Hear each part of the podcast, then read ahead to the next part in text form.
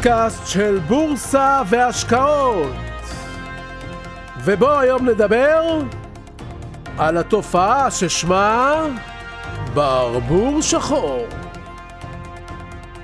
הפודקאסט בורסה וההשקעות הראשון של המשקיעים בישראל. תאכינו מקום במוח, תאכינו מקום בכיס, אנחנו מיד מתחילים.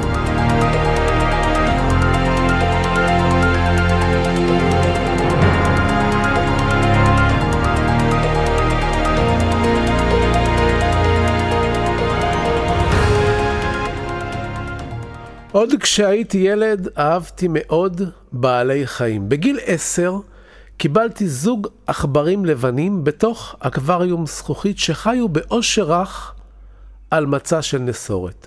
העונג שלהם היה כולו סביב גלגל גדול שהם היו נכנסים לתוכו ורצים בו. והגלגל היה מסתובב, אתם מכירים את זה. שעות יכול הייתי לשבת ולהביט בהם רצים על הגלגל. מוציאים הרבה אנרגיה, אבל כאשר הם ירדו מהגלגל, הוא פשוט הפסיק. כלומר, הפעולה שלהם הניבה תנועה רק כשהם עבדו והתאמצו. עם השנים הבנתי שכל החיים הם בעצם גלגל, ואנחנו אלה שרצים בו ומסובבים אותו. ברגע שאנחנו נעצרים, אופס, הכל נעצר. אנחנו הולכים לעבוד, עובדים, עובדים, עובדים, מרוויחים כסף, מפסיקים לעבוד, נעצר גלגל המזומנים. למעשה, אנחנו מחליפים כסף בזמן. אנחנו נותנים זמן בתמורה, מקבלים כסף. הזמן שלנו זה הריצה על הגלגל של העכברים, והכסף הוא התמורה למעשה הנאה, אותו גלגל מסתובב, כמו עכברים. אבל אם היינו יכולים ליהנות מהגלגל מסתובב בלי להתאמץ, כלומר, לשלם למישהו שירוץ על הגלגל עבורנו, אבל האם יש עסקה יותר טובה מזו? מה שהבנתי בסוף, שיש אנשים שמוכרים את הזמן שלהם תמורת כסף, אבל יש אנשים שקונים זמן של אחרים בכסף של עצמם. ואלה האחרונים חיים ממש ממש טוב, כי יש להם גם כסף וגם זמן.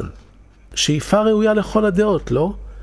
אני מניח שזו הסיבה שאתם מתעניינים בשוק ההון.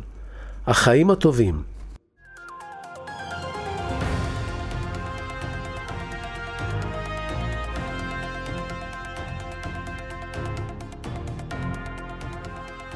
שלום וברוכים השבים לפודקאסט בורסה והשקעות המוביל בישראל. אני שמח לקבל שוב את תשומת הלב שלכם לפרק זמן מחכים ומהנה. אני צביקה ברגמן ובפודקאסט היום נדבר על הברבור השחור המסתורי שמגיח והופך את הכלכלה ואת חוקי החיים על פיהם במשק כנף מהירה.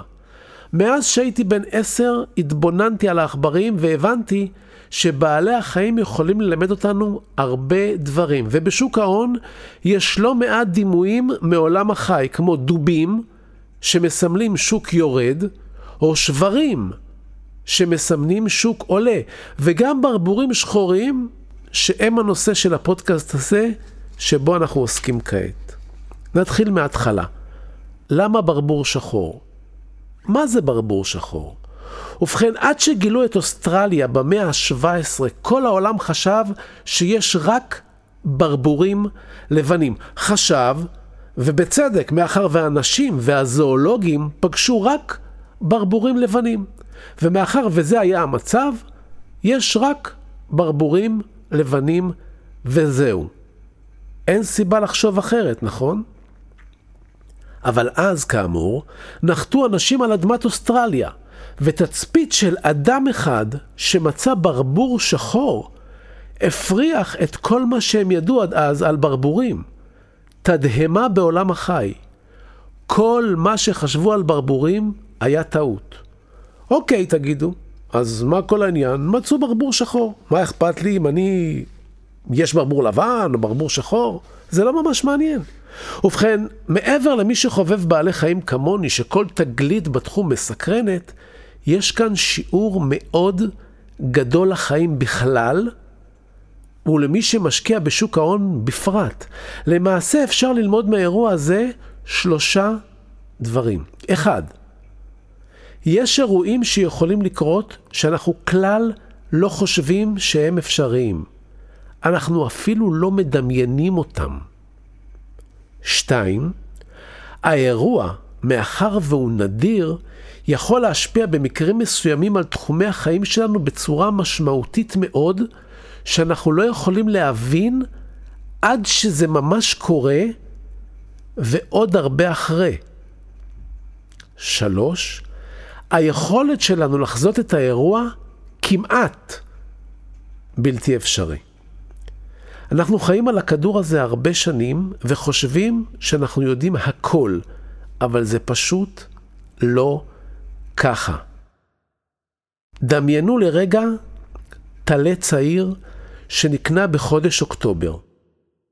כל יום הטלה הזה מקבל מזון בשפע, מים טריים. הוא מקפץ בחצר של משפחה במושב.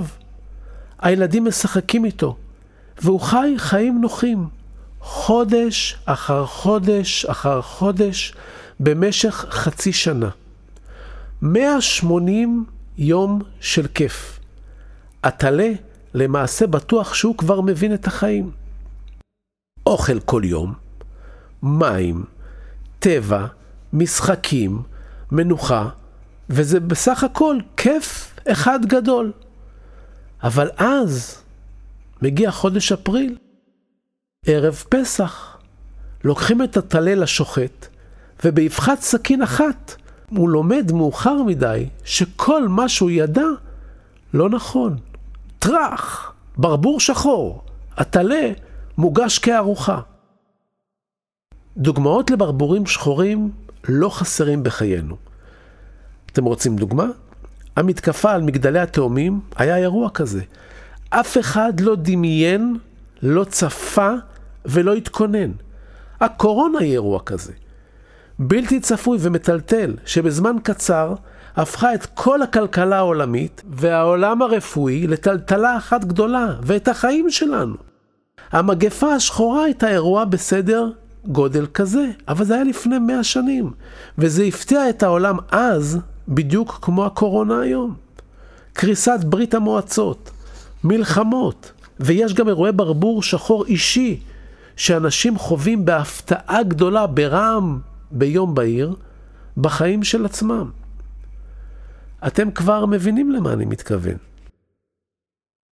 הדוקטור ניסים ניקולס טלב כתב מספר ספרים על הנושא. הספרים קוראים ברבור שחור, תעתועי אקראיות, בלתי שביר ועוד. אני מאוד ממליץ לקרוא את הספרים שלו. בספריו הוא כותב על אירועי ברבור השחור וכיצד הם משפיעים על השווקים.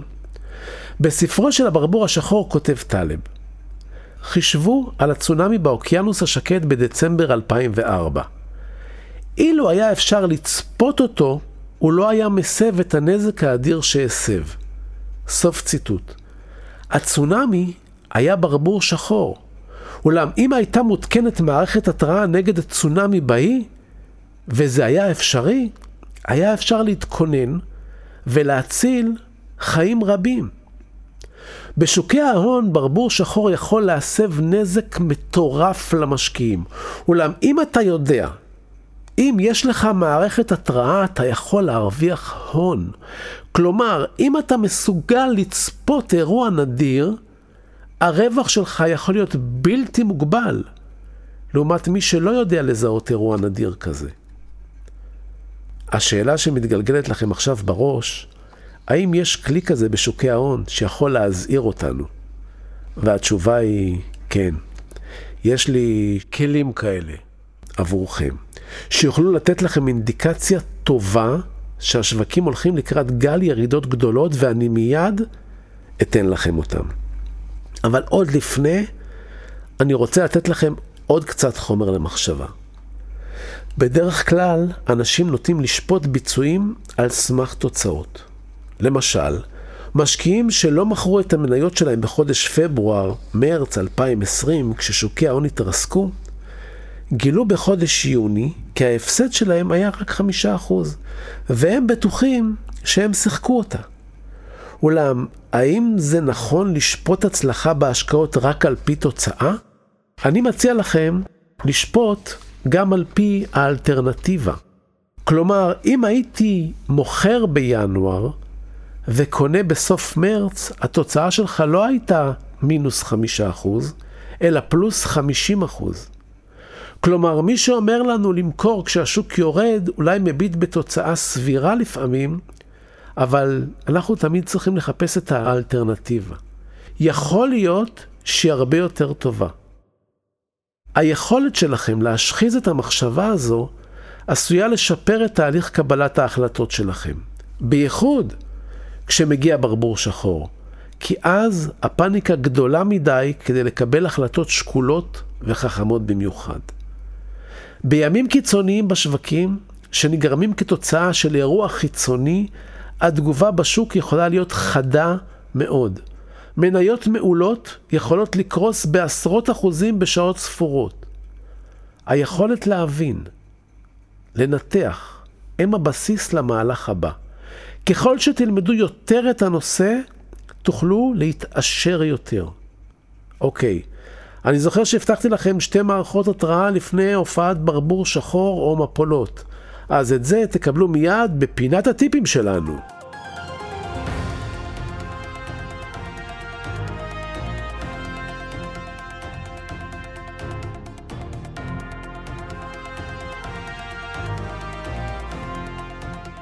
אוקיי, okay, אנחנו שוב בפינת הטיפים של הפודקאסט בורסה והשקעות, והיום על שני כלים שמנבאים מפולת. אז בין אם אתם משקיעים חדשים או ותיקים ולא מכירים את המושגים שאני אומר פה, אל תיבהלו. תפתחו את הראש. הכל יהיה ברור. אוקיי? המכשיר הראשון נקרא אינדיקטור שילר, מכפיל הרווח של שילר. מדובר בכלי יעיל מאוד, על ה-S&P שאפשר לראות בקלות באינטרנט. כל מה שאתם צריכים להיכנס לאתר שנקרא multiple.com ואני מאיית m u l t p l נקודה קום. לפניכם יפרס גרף. שימו לב לגרף. בכל פעם שהגרף הזה היה באזור השער של 25 נקודות על פני השנים, התרחשה אחרי זה מפולת. בכל נקודה על הגרף הזה, כאשר הוא הגיע לאזור החמש נקודות במהלך השנים, צפינו בשנה שאחרי עליות של אפילו עד 20 אחוזים ויותר. הגרף הזה פרוס על פני עשרות שנים. תעקבו אחריו, ותהיה לכם אינדיקציה להבין מתי עומדת להתרחש נפילה או עלייה. לאלה מכם שרוצים להעמיק יותר, תוכלו לחפש בגוגל מכפיל הרווח של שילר. פשוט, לא? טיפ שני הוא מעקב אחרי עקום תשואות של אגרות החוב. אמרתי לכם, לא להיבהל. הכל יהיה ברור. מה אומר עקום התשואות הזה? כאשר איגרת חוב לטווח קצר נותנת תשואה טובה יותר מאיגרת חוב לטווח ארוך, סימן שמשבר ממשמש ובא. בכל פעם שזה קרה, השוק נפל. איגרות חוב ארוכות טווח אמורות לתת תשואה טובה יותר מאיגרות חוב קצרות טווח. אבל כשיש צפי למשבר, העתיד לוט בערפל, ולכן האיגרות הקצרות טווח עדיפות בעיני המשקיעים. אני שוב שולח אתכם לחפש בגוגל אחרי מידע, אחרי עקום תשואות אגרות החוב, שיפתח לכם מערכת התראה משובחת נוספת. אני מחלק לכם סוכריות, אבל אתם אלה שצריכים להוריד את העטיפה וליהנות מהם. אל תחששו לקרוא, לנבור, להבין, זו הדרך היחידה שלכם לצמוח ולהרוויח.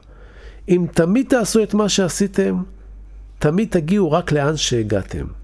ואתם, כמו שאני מכיר אתכם, רוצים להגיע הרבה יותר רחוק. ולסיום, אני כאמור שב ומציין כי אין במה שאני אומר המלצה מקצועית או ייעוץ מקצועי או עצה כלשהי.